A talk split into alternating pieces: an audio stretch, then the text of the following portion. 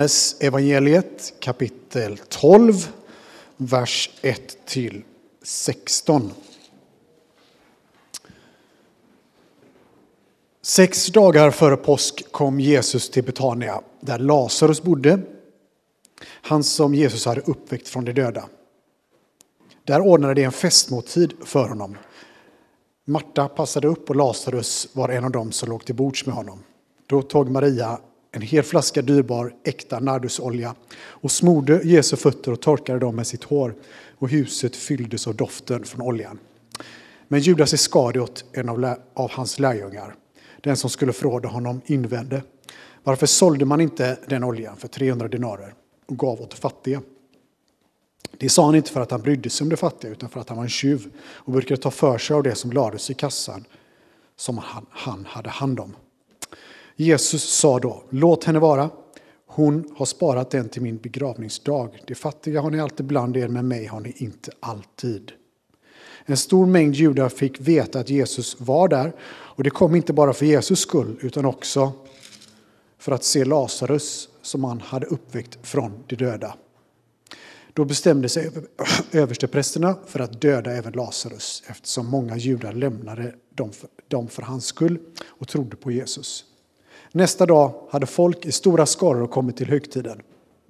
När de fick höra att Jesus var på väg in i Jerusalem tog de palmblad gick ut för att möta, och gick ut för att möta honom och de ropade Hosianna, välsignad han som kommer i Herrens namn, han som är Israels kung. Jesus fann ett åsneföl, och satte upp på det, som det står skrivet. Var inte rädd, dotter Sion, se din kung kommer ridande på ett åsneföl. Lärjungar förstod inte först detta. Men när Jesus hade blivit förhärligad kom de ihåg vad som var skrivet, att det var skrivet så om honom och att man hade gjort, gjort så för honom. Amen.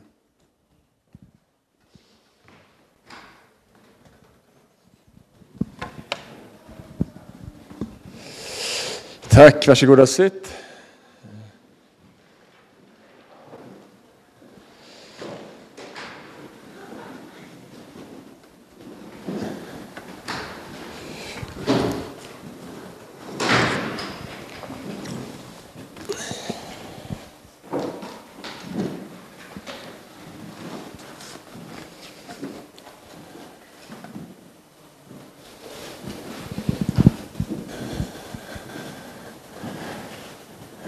Gott.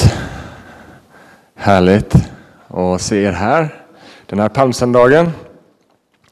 Eh, och eh, det är kul för mig att få stå här och titta på er. Ni får ju mest se mig och ett antal ryggar, jag får ju se en massa vackra ansikten. Så det är en förmån för mig. Så gott, palmsöndagen, det kanske man inte ofta sådär tänker på, utan det är en söndag eh, som vilken som helst och sen så kommer påsk nästa vecka, då kanske man köper lite ägg och godis och vad man nu gör. Eh, men palmsöndagen är idag och är en, en, en, en eh, högtid i årets kalender. Och palmsöndagen är på många sätt en söndagen som leder oss in i påsken. Palmsöndagen är första dagen i vad man kallar för stilla veckan.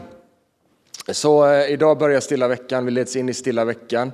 Eh, och det är den här veckan och den här palmsöndagen, är den här dagen då Jesus rider in i Jerusalem som vi har hört läsas. Och sen så kommer vi in i den här veckan som, eh, där Jesus är, det är fullt av action. Han kastar omkull borden i templet. Han firar sista måltiden med lärjungarna. Han blir förrådd, han korsfäst, han dör och han uppstår. Så jag vet inte om Stilla veckan är en sån här otroligt passande titel på, på den här veckan som vi går in i. Men på de, jag, jag, vet inte riktigt exakt var det kommer ifrån, men jag tänker mig i alla fall att ja, den kan bli stilla för oss. Det är lite som när allt det här sker så är det som att världen stannar upp och vi får stanna upp och eh, reflektera och förundras eh, och låta det som Jesus gjorde för oss få beröra på djupet. Eh, är tolkningen igång eller har vi, ska, ska jag vänta lite? Eller hur är status?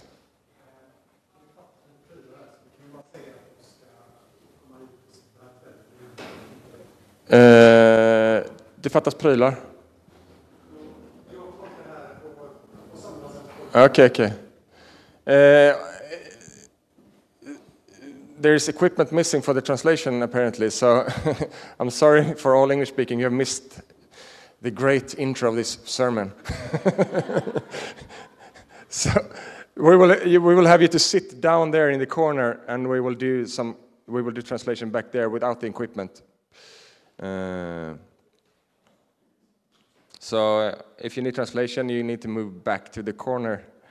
And uh, it's solved. Ah, Andrea, you've stolen it.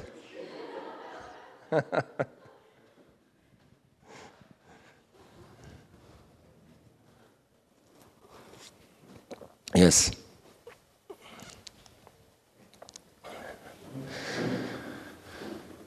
Så vad jag har sagt till er som inte har förstått någonting är att vi är i palmsöndagen och det som kallas för stilla veckan men som på, inte på några sätt är en stilla vecka i Jesu liv. Ett annat, en annan titel på den här veckan som man kallar det passionsveckan. Den här veckan kallas också för passionsveckan. Och vilken, så, kanske för mig en mer passande titel, därför det är den veckan då Guds passion för människan blir synlig för världen.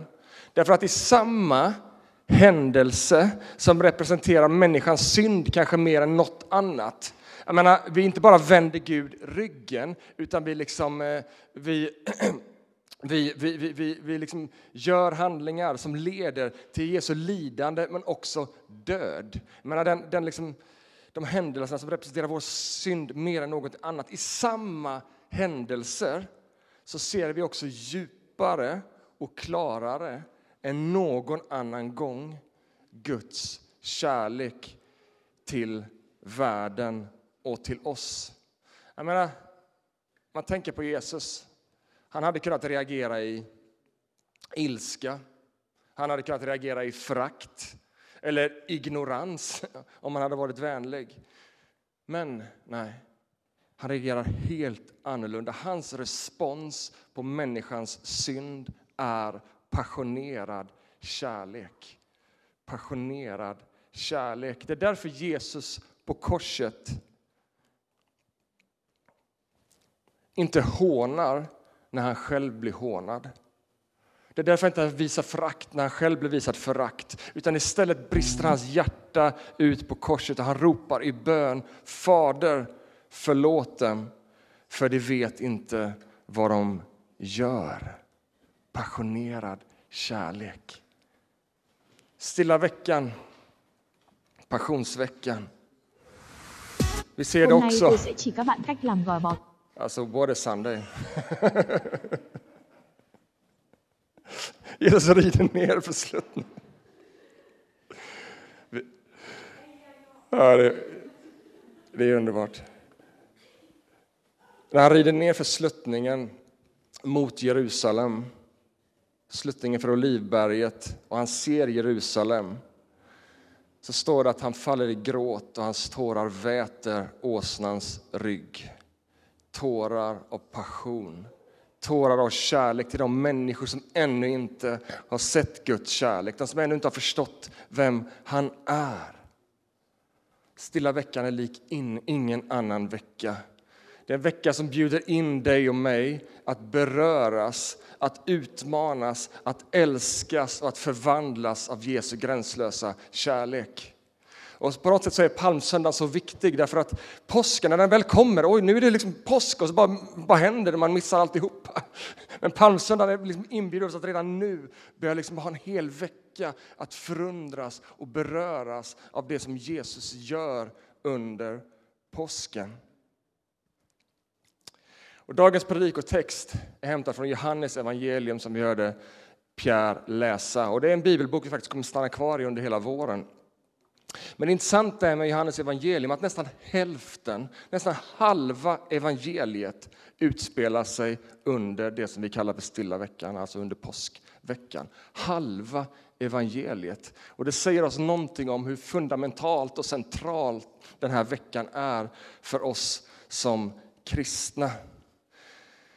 Så jag vill bara bjuda in dig egentligen den här söndagen att bara bada i, den här, i, i, liksom i påskens goda nyheter. Jesus för dig utgiven. Han gjorde det för dig.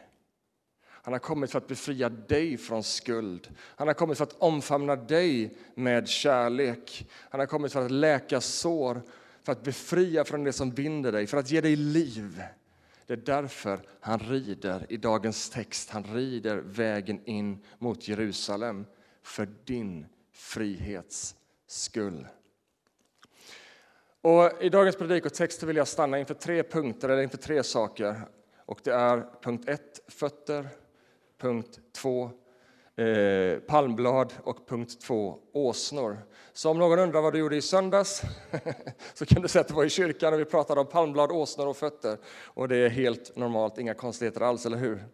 Men det är dagens predikopunkter och låt oss börja med fötter. Därför att vi möter i den här texten som vi har läst, det första vi möter det är Maria som tvättar Jesu fötter. Och tänk dig att du blir inbjuden till en fest.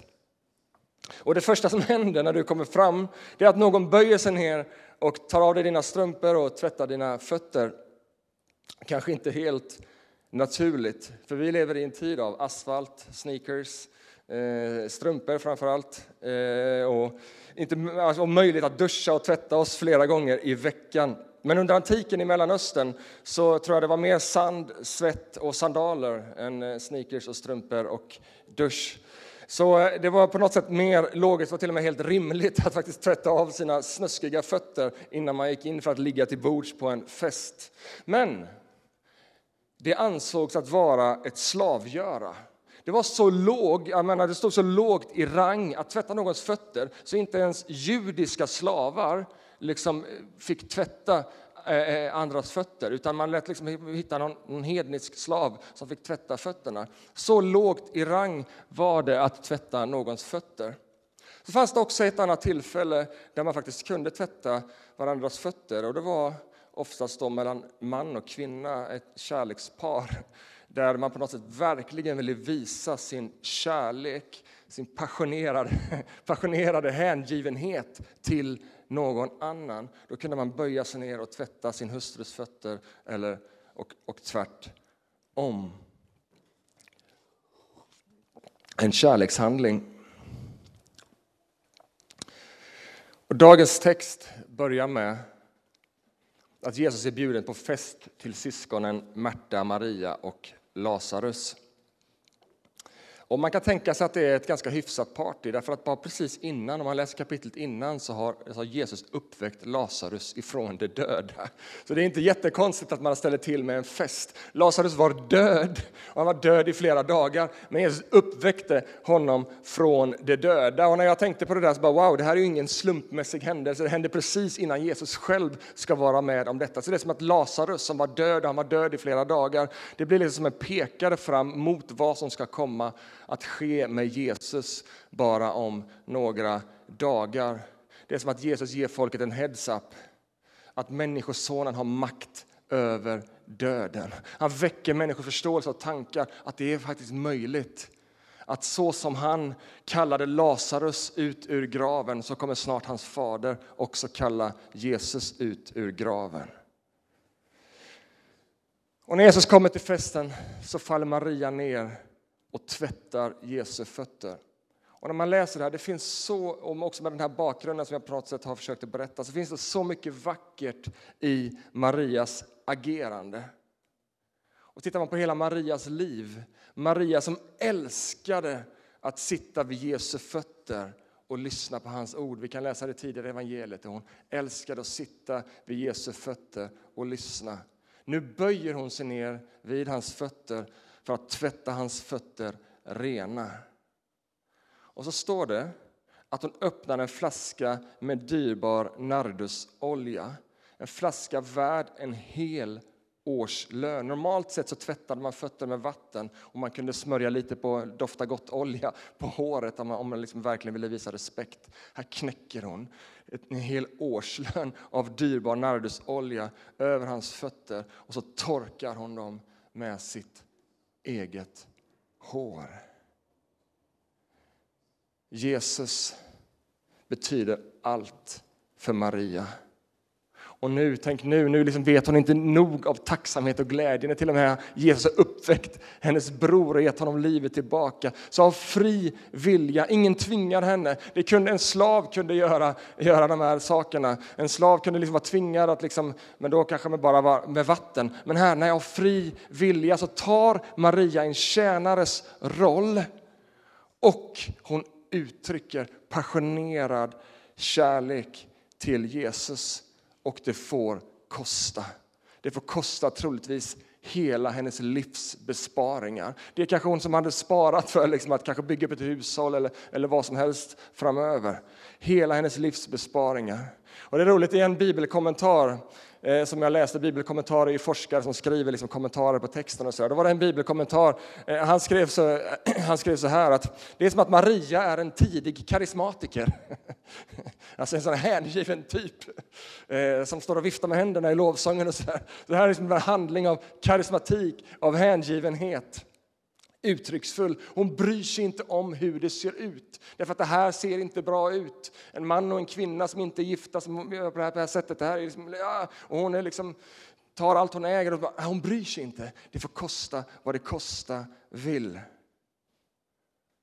Hon vill visa sin kärlek till Jesus med allt hon har. Och så skriver Johannes att hela huset fylldes med väldoft. Det är som att Johannes vill poängtera att Marias handling spred en ljuvlig doft till alla som var där. Och så ser vi hur Judas, han ville liksom stoppa det hela. Men Jesus säger, hindra henne inte. Stoppa henne inte. Oljan är en väldoft som kommer från Marias hjärta. Oljan är en väldoft inför Gud. Hur många gånger har man inte ångrat för sent att man inte sa det där man ville säga eller gjorde det där man ville göra?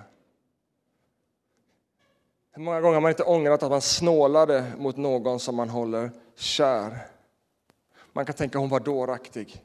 Hur kunde hon bete sig på det där sättet? Hon måste ju ångra sig, bara slänga ut sin livsbesparingar och göra bort sig på det sättet. Jag tror inte Maria för en sekund i livet ångrade att hon gav sitt allt till Jesus. Och det var inte bara pengar hon gav, hon gav hela sitt hjärta. Och i det tror jag att Maria är en sån otroligt vacker förebild för oss.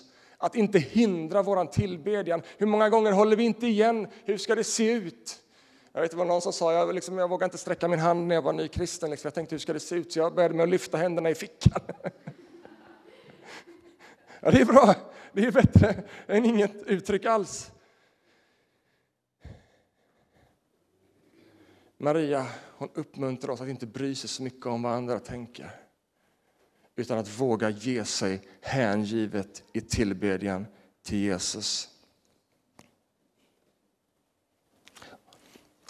Och Jesus bekräftar att hennes handling också är profetisk. Jag menar, hon är inte kanske medveten om det själv. Så säger Jesus, låt henne vara. Hon har sparat denna oljan för min begravningsdag. Och Jesus tog tillfället i akt alltså att igen berätta vad som ligger framför. Maria hon smörjer mig inför min begravning. Och kanske också finns det ett eko i Marias agerande. Att Jesus, precis som Maria gjorde här, som liksom, eh, eh, precis som Maria gjorde här, så skulle snart också Jesus ge allt och han skulle ödmjuka sig inför en hel värld. Det finns så många bottnar i Marias agerande och när vi vågar hänge oss åt Jesus så kan han använda det som vi har och är och det kan få ringa på vattnet och betyda långt mycket mer än vad vi kan förstå. Och I texten läser vi också att det här var en tid där andra ifrågasatte Jesus. Man började smida planer, man hade börjat tidigare, för att liksom röja Jesus ur vägen. Så i en tid och i en situation där människor var emot Jesus, där människor ville stoppa honom, där människor ville hindra honom, i, mitt i allt detta så bara hänger sig Maria och hon visar Jesus sin kärlek. För mig blir det lite som en vision för att vara kyrka i vår tid. I en tid där man ifrågasätter Jesus, där man ifrågasätter massa av kristna saker. Där liksom det är inte kulturellt okej okay att vara hängivet kristen och alltihopa. I en sån tid så kan vi få bara hängivet tillbe Jesus och dag för dag växa i kärlek och tillbedjan och relation med honom fötter.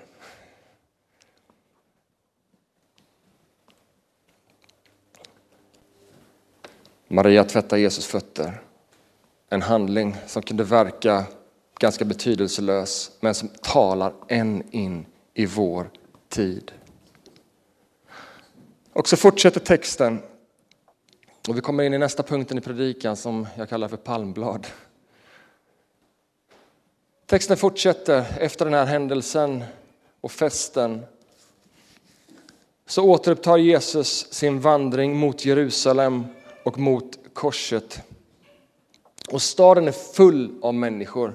Det myllrar av människor i Jerusalem, för det var tiden för den judiska påsken, Pesach. Så staden var full av besökare och pilgrimer och alla möjliga människor som ville vara där. Och mitt i det här så rider någon in som får ännu mer liksom rörelse att hända. För det är inte vem som helst som rider in i Jerusalem. Medan de flesta som kom där, det, liksom, det gick obemärkt förbi. Det var bara en bland, bland raden.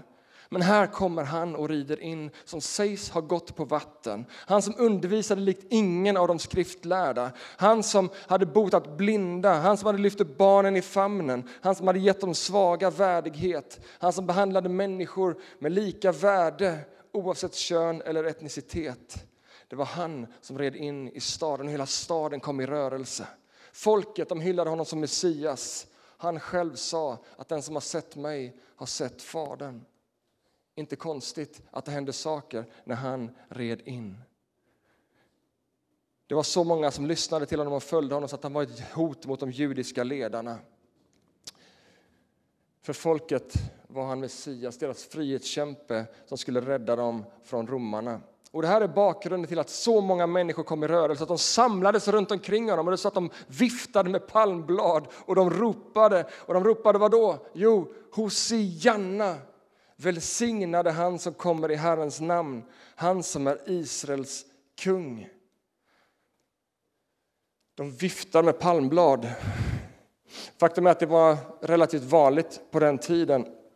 Palmblad var en symbol för seger och för firande. När jag åkte på eh, buss var det hit, så var det fullt med fans som skulle gå på Frölunda Hockey, man hade liksom flaggor och, och alltihopa. Palmblad var som den tidens flaggor. När man skulle hylla och liksom fira så använde man palmblad. Det användes under påsken för att fira uttåget ur Egypten. Det användes när liksom kungen kom hemridande från ett liksom framgångsrikt segertåg. Då viftade man med palmerna. Det var liksom, och palmbladen var också som en symbol för Israels frihet som nation. Så Jesus red in där, de samlades och de viftade med palmblad. Alltså, han hyllas som en kung. Även om folket inte alls förstod vilken typ av kung han var. De hyllade för att de trodde att han var en rebellledare. Inte många såg att han var en ledare för en hel värld, att han var evighetens konung och världens frälsare. Också här så förstod inte folken vidden av det som hände. De liksom rycktes med i stunden, men de var en del av ett större profetiskt skeende. Palmblad, och så ropade de Hosianna. Och vet du, Hosianna kommer från samma ord som Jesus i grundspråket. Så det är samma ordrot, Hosianna och Jesus, och det betyder rädda oss. Så folket ropade när han kom in Rädda oss, Jesus. Och Det intressanta är att det här och hela det de fortsätter att ropa kommer ifrån psalm 118. Och Det är en psalm som Jesus själv säger, några kapitel tidigare i Johannes, att det, eller i Matteus är det förresten, eh, där Jesus själv säger att den här psalmen handlar om mig. Det är en psalm som talar om mig. Hosianna, rädda oss, Herre. Herre, ge oss framgång.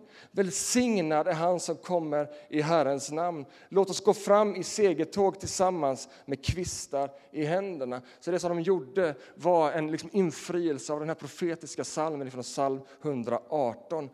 Herre, rädda oss. Inte kunde de ana vidden av den räddning som Gud hade planerat genom Jesus Kristus denna påskhögtid som låg framför. Jag kan inte annat än att tänka, jag tänkte gång på gång när jag förberedde den här predikan, att det är som att det finns en regissör bakom allt som händer den här dagen och den här veckan. Ingenting sker av en slump. Gud själv är bakom och regisserar varenda händelse och in i detalj.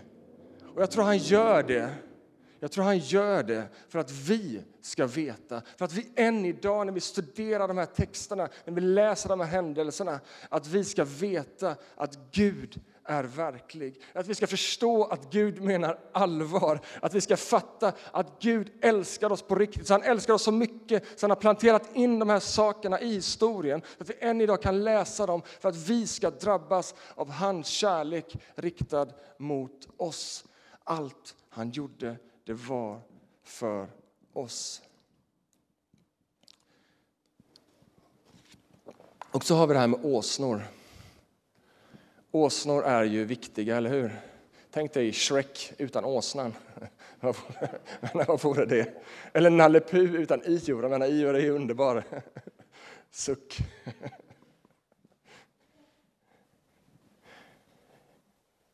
Man kan tänka att ja, Jesus blir lite trött. Kan ni hämta en åsna så jag kan rida på? Inte heller åsnan sker av en slump. Passionsdramat är regisserat av Gud. I stunden, så är det när man läser så förstår man att lärjungarna nästan trodde att det var en stund för Jesus, slump. Jesus säger till dem att gå och hämta en åsna som jag kan rida på. Och de springer iväg och, och hämtar en åsna. Sen så står det i texten som Per läste att det var först efter Jesu uppståndelse som lärjungarna fattade innebörden av detta med åsnan att det var en infrielse av en profetia i Sakarja som alltså Sakarja profeterade 500 år tidigare. Snacka om regissör som har koll på läget. 500 år tidigare så profeterade Sakarja i kapitel 9, vers 9. Ropa ut din glädje, dotter Sion. Jubla högt, dotter Jerusalem. Se, din kung kommer till dig. Han är rättfärdig och segerrik. Han kommer i ödmjukhet ridande på en åsna, ett åsneföl. Vad är det för en kung som kommer på en åsna? Inte bara var det för att uppfylla profetior, även om det var en profetia planterad där för att vi ska förstå vi ska se vem Jesus verkligen är. Men det här med att han red in på en åsna, det säger också något om vem Jesus är och hur han är. Och Sakarja säger det själv, att det talar om en ödmjuk kung. En ödmjuk kung som rider in. Och faktum är att under antiken så kunde en kung rida in på en ståtlig häst. Och ofta var det då för att demonstrera makt och kanske för att jaga upp till krig eller liksom visa sig eh, ja, som en krigsherre. Men en kung kunde också rida in på en åsna och det var det för att demonstrera ödmjukhet och fred. Jesus var en kung som inte har kommit för att bli betjänad utan för att tjäna och ge sitt liv till lösen för många, som Jesus själv säger. Och Paulus uttrycker i Filipperbrevet kapitel 2. Han ägde Guds gestalt men vakar inte över sin jämlikhet med Gud utan avstod från allt och antog en tjänares gestalt då han blev som en av oss.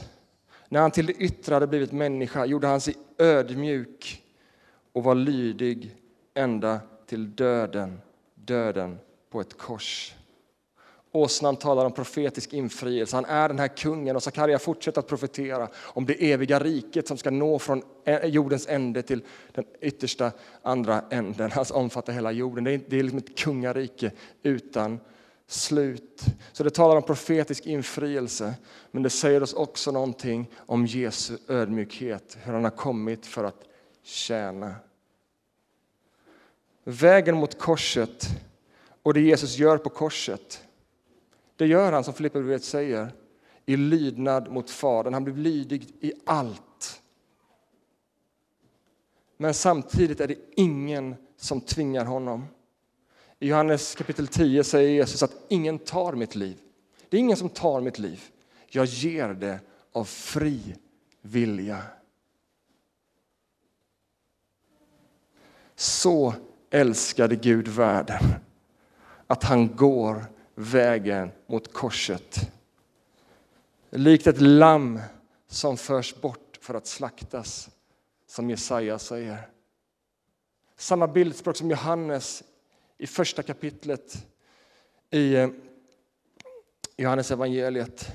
Där brister Johannes döparen ut. Se Guds lamm. Se Guds lamm som tar bort världens synder. Det är ingen slump i Jesajas ordval eller Johannes ordval när han får se Jesus. Det är ingen slump när de talar, utan det är Guds ande som talar genom, genom dem. Se Guds lamm, likt ett lamm som förs bort att slaktas. Jag ska avsluta med en intressant, spännande detalj. Faktum är att det vi kallar för palmsöndagen sammanfaller med en judisk tradition som inleder den judiska påsken. Återigen, ingenting sker av en slump. Ni vet, hela påsken i sig har ju liksom en bakgrund med att Jesus blir, ut, eh, eh, att Jesus blir korsfäst på samma dag som judarna uttågade ur Egypten och hur de slaktade ett lamm och sådär. Det är en annan predikan. Men hela påsken sker på den judiska högtiden. Men så har vi idag, palmsöndagen, när Jesus rider in i Jerusalem som inte heller verkar vara en slump att det sker denna dagen. Därför att Johannes, när han skriver sitt evangelium, är noggrann med dagarna. Och Johannes verkar vara, ty, verkar vara noggrann med att poängtera vilken dag Jesus rider in i Jerusalem. Och faktum är att det är den dagen som husfadern i varje hushåll Ända sedan uttåget ur Egypten, alltså 1300 år tidigare, den dagen då husfadern har gått ut ur sitt hushåll och gått utanför staden för att utvälja årets påskalamm. Den tionde i Nissan är den dagen. Under 1300 år har det här skett. Familjefadern har gått utanför staden och judisk tradition säger till och med att det var till Betlehem man gick, för där fanns de felfria lammen. För det skulle vara ett felfritt lamm man skulle utvälja. Där fanns de bästa lammen. Så husfadern gick ut ur Jerusalem till Betlehem, som någon kommer ifrån. Är ni med mig? Där någon är född. Guds lamm. De gick dit, hämtade ett felfritt lamm, lindade in det i en vit duk bar tillbaka det in i Jerusalem. Och där skulle lammet vara i fyra dagar för att kunna granskas av folket att det var ett felfritt lamm. På den dagen, när lammen förs in i Jerusalem, så rider Guds lamm på en åsna in i Jerusalem. Alla kan se honom. Alla kan granska honom. Han gömmer sig inte, han går in i templet, han, han, liksom, han gör sig synlig. Han visar upp sig i templet. I kärlek och fri vilja går Guds felfria lamm vägen mot korset. Det är som att vi kan höra ekon av Jesus genom hela Israels folks historia. Genom hela ända från skapelsen så ekar Jesus genom historien för att vi ska förundras, för att vi ska tro att Jesus är Messias. Att vi ska se att Gud vill tala in i våra liv. Det är som att Gud verkligen vill att vi ska förstå vidden och bredden och höjden av hans kärlek. Vad han har gjort för oss. Hur han är Guds lamm. Hur han är Hosianna, han som ska rädda oss, Jesus, räddaren. Och sen är det så starkt och så gripande när Jesus har ridit in i Jerusalem och klivit av åsnan så säger han så här till sina lärjungar. Nu är min själ i ångest, kan vi läsa Johannes 12.27. Nu är min själ i ångest. Vad ska jag säga? Far, fräls mig från denna stund, alltså rädda mig från denna stund. Nej, säger Jesus. Det är just för denna stund jag har kommit. Wow. Jesus visste vad som låg framför honom. Jesus visste varför han har kommit in, i jorden, in till jorden. Jag är Guds lamm. Visst, han kände min själ i ångest. Det här är smärtsamt. Världens synd hopar sig, mörkret hopar sig. Ångesten krampar i mitt bröst. Herre, rädda mig. Nej, gör inte det. Det är just för denna stund jag har kommit. Jesu blick var fäst på korset. Jesu blick var fäst på dig och mig. Jesu blick var fäst på Golgata kulle för han visste att där och endast där finns din och min frihet. Hade det funnits en annan väg, ja visst, men han visste, det är för denna stund jag har kommit. Där på korset, endast där skulle Guds kärlek inte bara bli synlig för en hel värld utan också bli verklig och få evig konsekvens för dig och mig. Han hade kunnat sagt, jag älskar alla människor. Det hade varit fint. Men han ville också med sin handling sätta dig och mig fria. Att vi skulle kunna uppfyllas och förvandlas av hans kärlek. Det är palmsöndagen. Det har visat sig, tror jag, att ganska mycket kan dölja sig bakom fötter, palmblad och åsnor. Och med de här orden, jag hoppas att det på något sätt har talat in i ditt liv, så vill jag välkomna dig in i stilla veckan. Jag vill välkomna dig in i passionsdramat, in i de här händelserna som leder fram till Jesu död, men också till hans uppståndelse. Dit kommer vi nästa vecka. Men idag vill jag avsluta med att säga se Guds lamm som tar bort världens synder. Amen. Herre, jag tackar dig för den här dagen, här. Tack för att vi får sitta här och läsa och tala om det som hände för flera tusen år sedan men samtidigt som är så levande och verkligt här och nu. Och jag ber nu helige Ande att du skulle uppfylla denna plats. Du skulle uppfylla våra hjärtan. Att det här skulle få bli levande för oss, för vår inre människa. I Jesu namn. Amen.